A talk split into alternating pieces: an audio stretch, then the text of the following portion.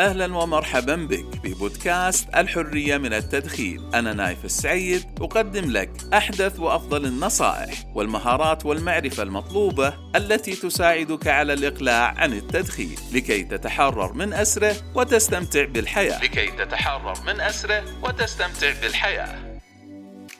عنوان هذه الحلقة تكلفة التراخي وعاقبة التأجيل.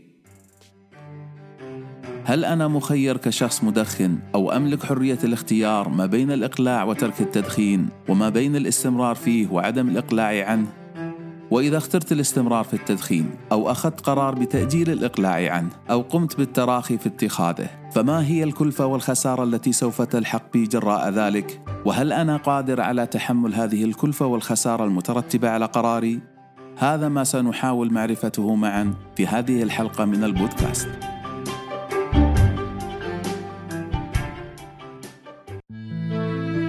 يؤسفني أن أخبرك أن تكلفة التراخي في إيجاد الحلول لمشاكل الإقلاع ومعرفة الأسباب التي تدعوك للتدخين والتخلص منها أو عدم التفكير جديا في ترك التدخين أنها مكلفة جدا يا صديقي وأن ثمن تأخير اتخاذ القرار بالإقلاع ووضع حلول مناسبة للمشاكل التي قد تواجهك في سبيل تحقيق ذلك هو ثمن باهظ ومرتفع جدا وأن عاقبة التأجيل والمماطلة في وضع حد للرغبة في الاستمرار بالتدخين قد لا تحمد عقباها وقد تكون وخيمة جدا للأسف. لا أقول هذا لكي أثير مخاوفك وإنما من باب الأمانة معك ومصارحتك وقول الحقيقة التي يجب عليك معرفتها. لكي تبادر بالتعرف على كافة الوسائل التي تعينك بعد الله في إيجاد دافعك وحافزك الشخصي وأسبابك الخاصة الكافية لاتخاذك قرارا بالإقلاع عن التدخين. والأخذ بالحلول المتاحة أمامك لمشكلات وتحديات الإقلاع لكي تتخلص من التدخين واثاره بشكل نهائي. فالوقت الذي تمضيه وأنت مستمر في التدخين ليس في صالحك ابدا.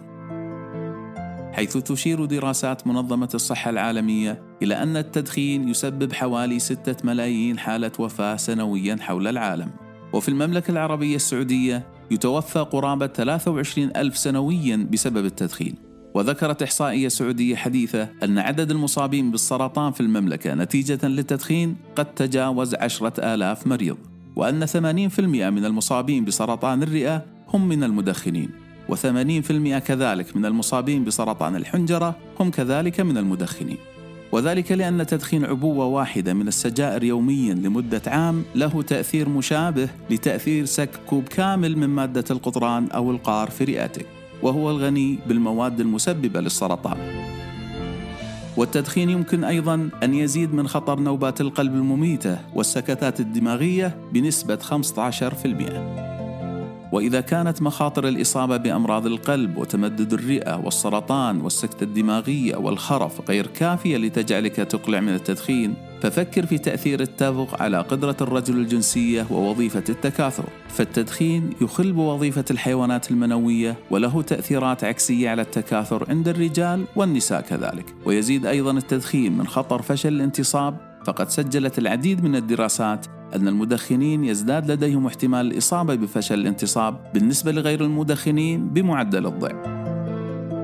هذه المخاطر موجودة حتى مع تقليل كميات التبغ التي يتم تدخينها يومياً. فالأشخاص الذين يدخنون لغاية 14 سيجارة يوميا معرضون لأربع مرات أكثر من غيرهم لمخاطر الإصابة بسرطان المريء أما الأشخاص الذين يدخنون لغاية تسعة سجائر يوميا فإنهم معرضون للآتي 2.7 من المرات لمخاطر أمراض القلب 2.3 من المرات لمخاطر تمدد الأوعية الدموية 1.8 من المرات لمخاطر سرطان البنكرياس 1.7 من المرات لمخاطر إعتام عدسة العين 2.8 من المرات لمخاطر الإصابة بسرطان الرئة و2.4 من المرات لمخاطر الإصابة بسرطان المعدة. وتزداد نسبة مرات المخاطر بالإصابة بهذه الأمراض المذكورة مع ازدياد عدد السجائر المدخنة يومياً وبعملية حسابية بسيطة من يدخن علبة واحدة يوميا لفترة تجاوزت أكثر من 20 عاما فإنه يقصر حياته بمعدل عشر سنوات.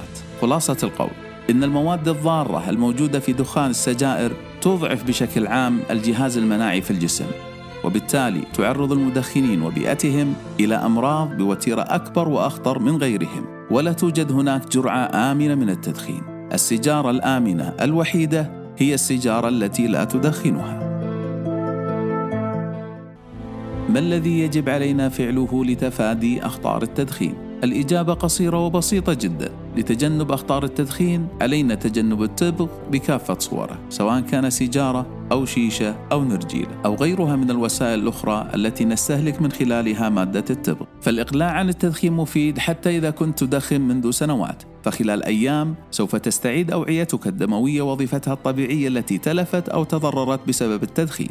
فعلى سبيل المثال ضخ الدم إلى القضيب يبدأ في التحسن خلال 24 إلى 36 ساعة بعد آخر سيجارة. وخلال أسابيع سوف تكون قادرا على تذوق الطعام بشكل أفضل وسوف تستعيد حاسة الشم لديك. وخلال شهور تنخفض أعراض التهاب الشعب الهوائية المزمن وتتحسن وظيفة الرئتين خلال عام.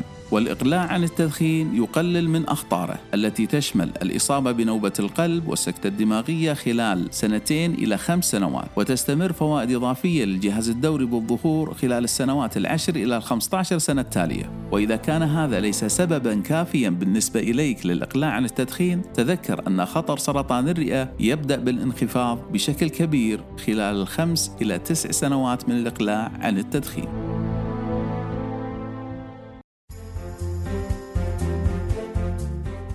إن الناس الذين يتخلصون من هذه العادة بغض النظر عن عمرهم يعيشون أطول من أولئك الذين يستمرون بالتدخين، وفوائد الإقلاع عن التدخين تبدأ تقريبا بنفس سرعة أخطار التدخين وتستمر بالظهور لشهور وسنوات، فكلما كان الإقلاع عن التدخين أسرع زادت مكاسبك منه، وحتى لو تم في وقت متأخر، بغض النظر عن طول مدة أو كثافة فترة تدخينك، فالمدخنون السابقون لديهم معدلات منخفضة من الإصابة بأمراض القلب والسكتة الدماغية والسرطان وأمراض الرئة. عافانا الله وإياكم مقارنة بالأشخاص الذين يواصلون التدخين. كما أن هؤلاء المدخنون السابقون يعيشون حياة أطول مما يعيش المدخنون. وإذا كان لديك بالفعل مرض مرتبط بالتدخين فالتوقعات الخاصة بك هي أفضل إذا أقلعت عن التدخين. فعلى سبيل المثال المدخنون الذين يتوقفون عن التدخين بعد إصابتهم بأزمة قلبية هم أقل عرضة للإصابة بواحدة أخرى أو الموت بمرض قلبي. كما ينخفض لديهم أيضا خطر تكرار الإصابة بالسرطان أو وجود شكل آخر من أشكال السرطان أو الموت من جرائه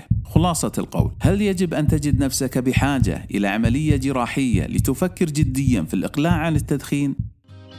تذكر يا صديقي أن الجسم الخالي من الدخان مؤهل بشكل أفضل للشفاء وهو أقل عرضة للمعاناة من المضاعفات وعند الإقلاع عن التدخين يمكنك أن تتطلع إلى تحسين نوعية الحياة والشعور بالفخر بإنجازك. وهذا بالإضافة إلى أنك أيضا توفر المال من خلال عدم الاضطرار إلى شراء السجائر أو دفع ثمن العواقب والمضاعفات الصحية.